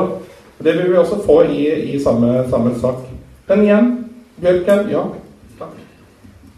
Da har vi fått høre det. Da, Tommy, da er det din uh, tur til å stille spørsmål. Ja, jeg er et produkt av frivillighet i din kommune. Jeg har holdt på med frivillighet siden jeg var litt liten. Fra fotballgruppa hvor jeg lærte at det var viktig. Og jeg tenker at frivilligheten da, er veldig viktig, og det er enorme verdier som den tilfører din kommune. I friidretten, som jeg kjenner best, så hvert år så bidrar vi med 600 000-700 000 kroner til gratis idrettstilbud til unge i Tinn. Og det, det, er ingen kommunale penger. Dette er kun eh, dugnadsbaserte arrangementer. Lokale sponsorer som verdsetter det arbeidet vi gjør. Og på de 13 årene i friidretten så har vi kanskje bidratt 8-10 millioner kroner. Og så finnes det mange sånne miljøer i tiden. Og hvis vi begynner å slå sammen de, så er det kanskje flere hundre millioner kroner. Og hvis man ikke da legger til rette for frivilligheten i tiden, så mister jo disse verdiene. Og da må kommunen tilføre de på en eller annen måte hvis vi skal opprettholde samme levestandard som vi har. Så det tenker jeg er litt greit å tenke på at vi Er det ikke ja, spørsmål inn mot noen? Bare Nei, ikke, men eh, jeg hører jo bl.a. Sverre si at man skal styrke kultur, og kultur er viktig, og det er helsekultur, men så vil man ikke nødvendigvis bygge en flerbrukshall. Alle sånne ting er med på å gi helse. Bra. Uh, var det sånn, Katrine, at du ville komme med en kommentar til det jeg kan det. Ja, uh, hvis vi bare sender den bortover. Er det greit at vi går noen minutter over? Vi begynner å nærme oss uh, hardt. Og vi har jo et par til som gjerne vil si kommer med noen spørsmål. Katrine? Ja, takk. Uh, bare si at jeg støtter absolutt det. Sånn. Der. Eh, veldig eh, viktig det du sier, Tommy. Frivillighet er en kjempeviktig faktor i samfunnet. Eh, jeg tenker det ville være bra å få kartlagt eh, enda mer nøyaktig hvilke frivillige miljøer vi har, hvilke behov vi har som også kan løses i samarbeid med frivilligheten. Vi har jo f.eks. sånn som Rjukan og Tinn Røde Kors Omsorg, da, som jeg nå her om dagen så at hadde sånn digitalkurs for foreldre. Da. Eh, altså, da er vi inne på dette med digitalt utenforskap. og Da ser man jo da en organisasjon som da bidrar til å løse en utfordring som vi sikkert mange kjenner, og kanskje noen som står i sjøl også. Eh, jeg vet f.eks. sånn som Arendal kommune. Eh, der hadde de en kartlegging av, frivillig av behov i kommunen, hvor de så at det var en del barn som ikke kom seg til fritidsaktiviteter. eller fritidsaktiviteter, Og det som ble løsningen der da, det var at eh, det ble en sånn biltjeneste som kjørte disse barna, for det var en barriere. Og den bilen den fikk de gjennom eh, søknad til uh, Gjensidigestiftelsen. Men det å kartlegge og vite hvilke behov er det vi har, og hva er det kommunen kan løse i samarbeid med frivilligheten, syns jeg er kjempeviktig. For frivilligheten det er uvurderlig ressurs, men da må vi legge til rette for at, skal, at det skal være ok, for frivillige er ikke ansatte. Så vi må ha gode, gode holdninger og politikk på det. Veldig bra du sier. Einar, da skal du få slippe til med ditt spørsmål. Ja, jeg heter Einar Rist og er leder av Rjukan idrettslag. Og da vil dere tenke at jeg skal snakke litt om en flerbrukshall. Eh, de siste 25-30 årene så har vi jobba for å få inn en ny, moderne idrettshall. Jørn Langeland var inne på det. Han eh, fortalte at eh, idrettshallen Rjukanhallen ble bygd i 1963 og var en av landets aller første eh, innendørshaller den har vi enda. Så det syns jeg sier litt om, om uh, standarden på den hallen der. Uh, ingen av våre uh, innendørs anleggsarenaer er moderne. Absolutt ingen. Vi har gode utendørsanlegg, men når det gjelder innendørs, så er de langt fra dagens standard. Derfor så gleder det meg at alle partier, minus ett, har eh, flerbrukshall på programmet sitt. Det er vi veldig glad for. Eh, men ordlyden er litt forskjellig. Eh, noen er veldig, veldig tydelige, andre er litt eh, runde. Dersom økonomien tillater det, osv. Og, så og det er ikke særlig forpliktende. Vi vet at vi er i en kall det liten konkurranse med da Helsehuset, men man må prøve å balansere litt på det vi skal investere for. Det er forskjell på å ønske seg noe og ville bygge. Jeg syns eh, dere bør være tydeligere på at dere vil bygge når dere først har det på programmet. Eh, så det handler om prioriteringer. Og det billigste bygg å bygge i Norge i dag er idrettshaller. Det er ingen som har så gunstige finansieringer som en idrettshall. Du får full momsrefusjon, og du får tippemidler. Eh, Frp var ute i RA og nevnte et beløp eh, på 160 millioner kroner. Ja, kanskje den kommer til å koste 160 millioner, men da snakker vi brutto. Når vi trekker fra moms og spillemidler, så kan vi trekke fra kanskje 45-50 millioner. Det blir ikke sagt noe om. Det er å feilinformere publikum. Har du, kan du prøve å komme med spørsmål? Er, vi har fem minutter igjen bare, så vi har et par andre som vi skal eh, også Hvem vil du utfordre her? Jeg har for så vidt ikke noe spesielt spørsmål, men jeg bare håper at eh, de politikerne nå kan ville og vil prioritere å bygge i perioden, ikke bare ha på lista si. Takk. Ja, det var noen på enden her som gjerne ville komme med en eh, kommentar. Er dere garantister for en flerbrukshall? Nei, nei, absolutt. Altså, MDG ønsker en flerbrukshall, men, men jeg tror de fleste er enige om at ikke på bekostning av f.eks. kinoen eller Rjukanbadet eller eh, biblioteket. Det, det, det, er det vi mener med, med det vi har skrevet i vårt program. Ja. Ja, det er litt morsomt da når det blir av ordfører sagt at vi er uansvarlige økonomisk, og så får vi nå at vi er for kjipe. Så det viser vel litt at vi er eh, tross alt ansvarlige. Eh, og det handler egentlig om hva vil dette koste oss sånn jevnt over å drive årlig, og sette det opp imot. Men jeg, til SV er villig til å betale for å ha en idrettshall årlig, for det er veldig viktig. men hvis det er så mye at det går utover veldig mye andre lovpålagte ting som vi er nødt til å ha penger til Vi kan ikke gå under båndlinja. Men uh, vi er veldig positive hvis den summen er overkommelig. Da tror jeg vi eh, legger den ballen ned, og så kan du sende den bak til Kasper etterpå. Oh, da slipper jeg å dette over Jørgen.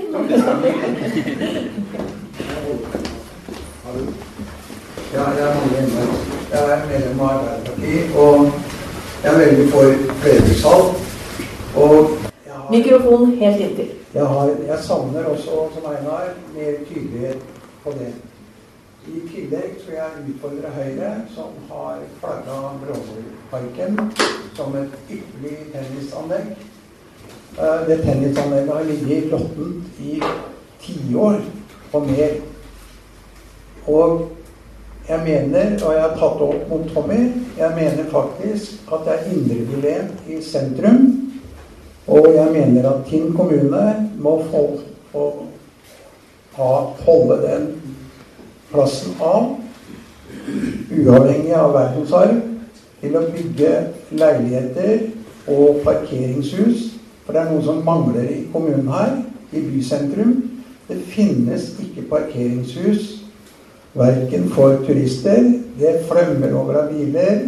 Vi som bor i sentrum, vi parkerer i gatene. Det skaper et problem om vinteren. Jeg mener at i det området tennisbanen er, og parkeringshus hvor folk kan få leie plass, i tillegg Flerbrukshallen og området på stadion, der kan dere bygge tennisbane. Da har vi fått innspillet. Er det et eh, konkret spørsmål til Bent Frode og Høyre? Eller eh, var det bare et innlegg? Det, det blir et innlegg. Jeg har så dårlig tid. Jeg vil gjerne utfordre Bent Frode, som jeg har veldig stor sympati for. Dessverre så har han en leder i Høyre i Norge som jeg ikke har sympati for. Den debatten skal vi ikke ta. Kasper? Ja, takk. Eh, jeg har et spørsmål til Ben Frode. Øh, vi hørte fra Jørn at han ikke ønsker å skal reise til fjells hvis han skal handle andre ting enn melk og brød. Øh, jeg er kommersiell leder på Gaustad Ski Resort. Øh, det er jo en det er jo turistnæringen, og der har vi jo evnen til å sette oss inn i andres behov, ikke bare vores egne. Syns du, Bent Frode, at det er greit at våre turister skal reise til Rypan hvis de ønsker å handle andre ting enn brød og melk? Frode, da ble det spørsmålet helt tydelig til deg da Jørn sender nedover. Det jeg vet, er at uh, investoren Mikael Jønsson, som er i Gaustad, er veldig opptatt av en levende by. Dersom vi legger til rette for at alle butikker kan etablere seg på Gaustad, med klesbutikker osv., så, videre, så får vi et dødt sentrum. Da blir Rjukan dødt. Jeg vil ikke at Rjukan skal være dødt. Jeg vil ha et samspill mellom by og, by og fjell. Jeg tror på at det er mulig å få til begge deler. Så eh, legge alt og si bare vær så god, bygg hva som helst der oppe. Gjerne kjøpesenter. Det er jeg ikke interessert i. Beklager. Det var et uh, tydelig svar fra den Frode. Da har vi fått beskjed om da er det kun ett år. Ja. Skal du si noe? Det var, ikke du heter ikke Bent Frode, tror jeg, men det går det er et, et, et, et, godt eksempel på hvordan man, vi ikke ønsker at det skal bli i Tinn, er å reise til Selen i Sverige. Hvis de reiser dit, så er det et totalt dødt sentrum, men et fantastisk levende eh, skiområde, for så vidt. Men totalt dødt sentrum. Ja. Eh, var det en replikk, Anette? Vil du ha, eh, sende henne tilbake den der eh, Jeg føler at det må være greit å få lov til å få Gaustad-destinasjonens uh, svar eller replikk på den der. Ja. Men jeg har nemlig vært på studietur til Selen i vinter. Så jeg har bare lyst til å bemerke den kommentaren der, fordi der er jeg mektig imponert over hvordan kommune og reiseliv samarbeider til det beste for fellesskapet. Så det er bare et lite tankekors på den siste kommentaren der. Og det er ikke noe dødt sentrum? Nei. Nei. Ja, da er det litt forskjellige meningsutvekslinger her. Eh, jeg tror vi legger den død, og så går vi over til eh, Jørgen på siste spørsmål.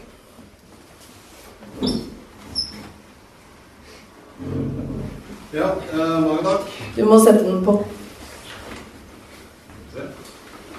Sånn? Ja. Halla. Beliggenheten til eh, helsehuset er eh, Har jeg et spørsmål til eh, politikerne. Eh, nå hørte jeg jo i stad at man vedtok beliggenheten uten å kjenne de økonomiske kostnadene. og heller ikke om andre konsekvenser. Eh, det får jeg for så vidt å rime. Rjukan handels- og serviceforening har en del betenkeligheter rundt vedtaket om beliggenheten. Jeg vil understreke at det er beliggenheten, og ikke at det skal samlokaliseres. Eh, Rjukan handels- og serviceforening har betenkeligheter rundt. Så kan man tenke at ja, det kan jo Rjukan handels- og serviceforening bare ha. Dette dreier seg om helsebudsjettet i din kommune. Men dette er et ganske stort prosjekt, et ganske viktig prosjekt, som får en del konsekvenser.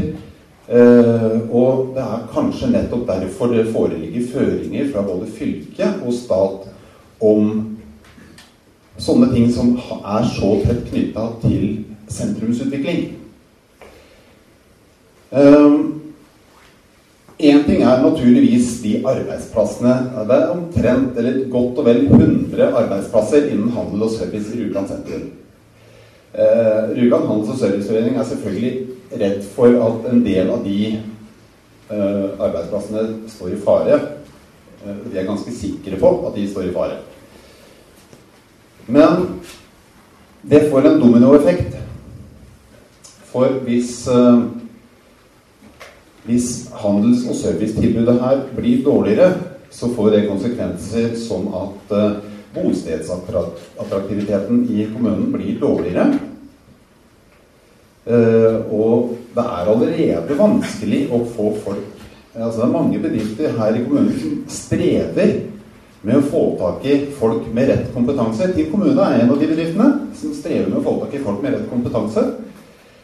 Jeg tror ikke det blir noe lettere å trekke folk til å flytte til Tinn hvis man vet at man må til Notodden eller sånt for å få tak i en bårebukett eller skifte batteri på klokka si eller bunadsko eller altså, sånne småting som det. Jeg tror du har fått fram poenget ditt, Jørgen. Så hvis det, ja, det, nei, det er ikke hele poenget. Nei. Det er nettopp det. Det er mange poeng her. Ja, men det, Det det, har vi ikke tid til i- i- nå. For øh, hva med alle de eldre som flytter til sentrum for å bo nært både handel og helsetilbud? Må de velge de, da? Om de skal bo nært enten handel eller helsetilbud. Er det en stor gevinst for eh, kommunen. Da, altså Folk som bor hjemme så lenge de kan, de sparer jo kommunen en del i helsebudsjett, de også.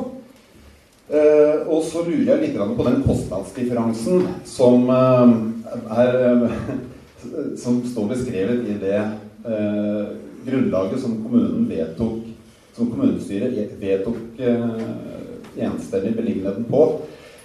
Der ligger det en kostnadsdifferanse på eh, 14 millioner ekstra i å bygge et midlertidig helsehus mens man river og bygger nytt på Børkhaug, samt eh, drøyt 4,5 millioner ekstra driftskostnader årlig. Hvis det stemmer, så syns jeg de skulle beholde den midlertidige løsningen. For da ville jo det være mye mer lønnsomt. Da kunne de ha den i 150 år før det dekker opp kostnaden av det nye, store helsehuset. Så eh, da, da, spør jeg eh, politikerne igjen er, er, er, dere fortsatt Står dere fortsatt på at det enstemmige vedtak det skal vi beholde, koste hva det koste vil? Eller er dere villige til å se på det på nytt?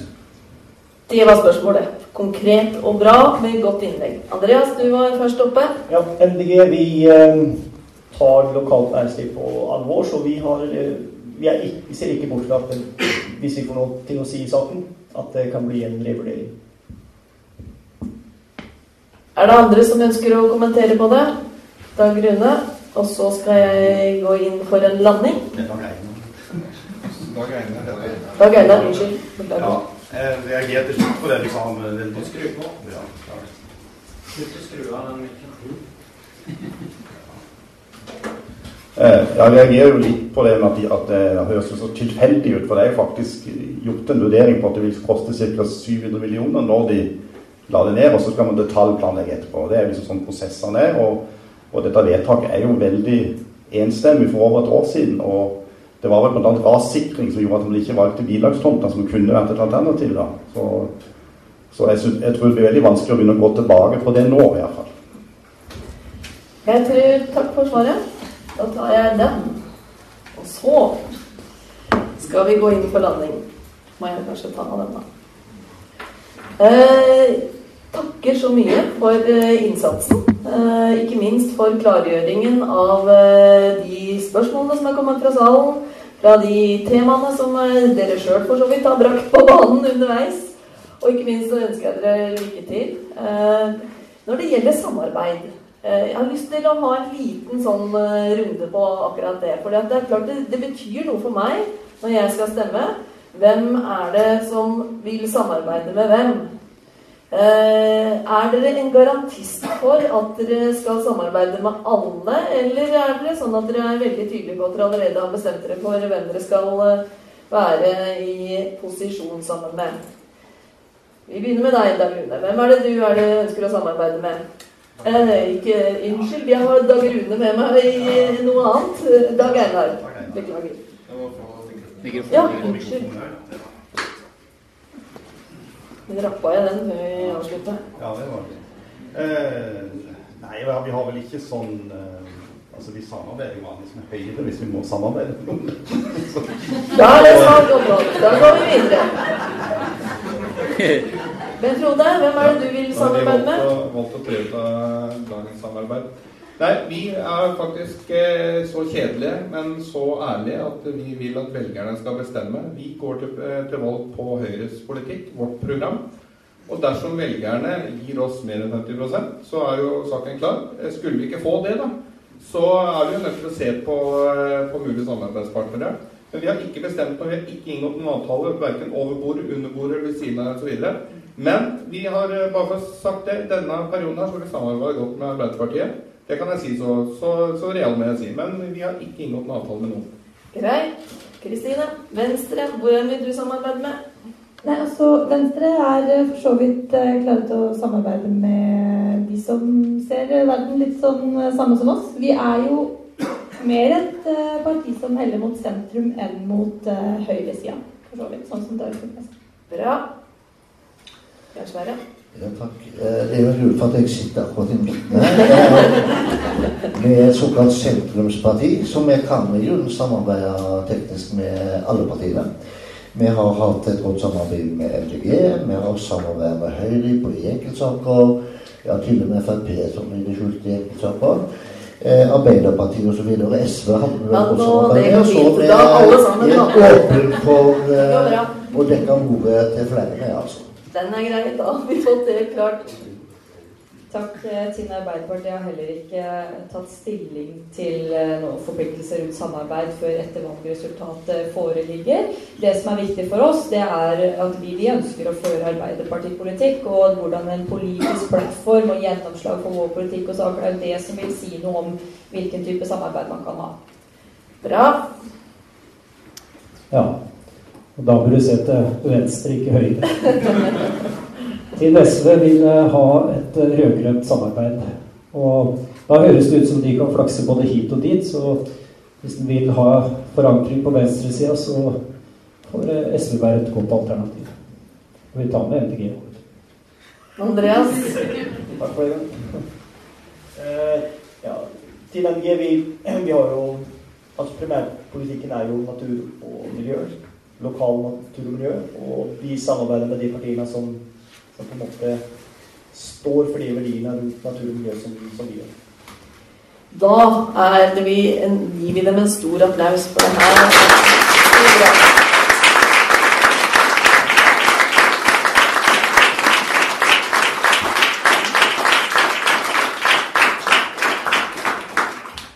Da har jeg bare lyst til å si godt valg til alle sammen. Og her har vi mange som eh, absolutt vil eh, oss vel. Og det tenker jeg det er et godt utgangspunkt å være Det er som kunnskapsministeren sa til førsteklassingene. Vær nysgjer- nysgjerrige og søk kunnskap, men vær også greie med hverandre. Og dette eh, tyder jo på at eh, den gjengen her skal i hvert fall være greie med hverandre. Lykke til. Ja, det her vært uenighet i kveld, men én ting kan vi være enige om, at det ble et spennende valg i år, faktisk. Det blir veldig spennende. Så vi takka masse alle politikere for stille opp, og alt de har kommet med. En applaus.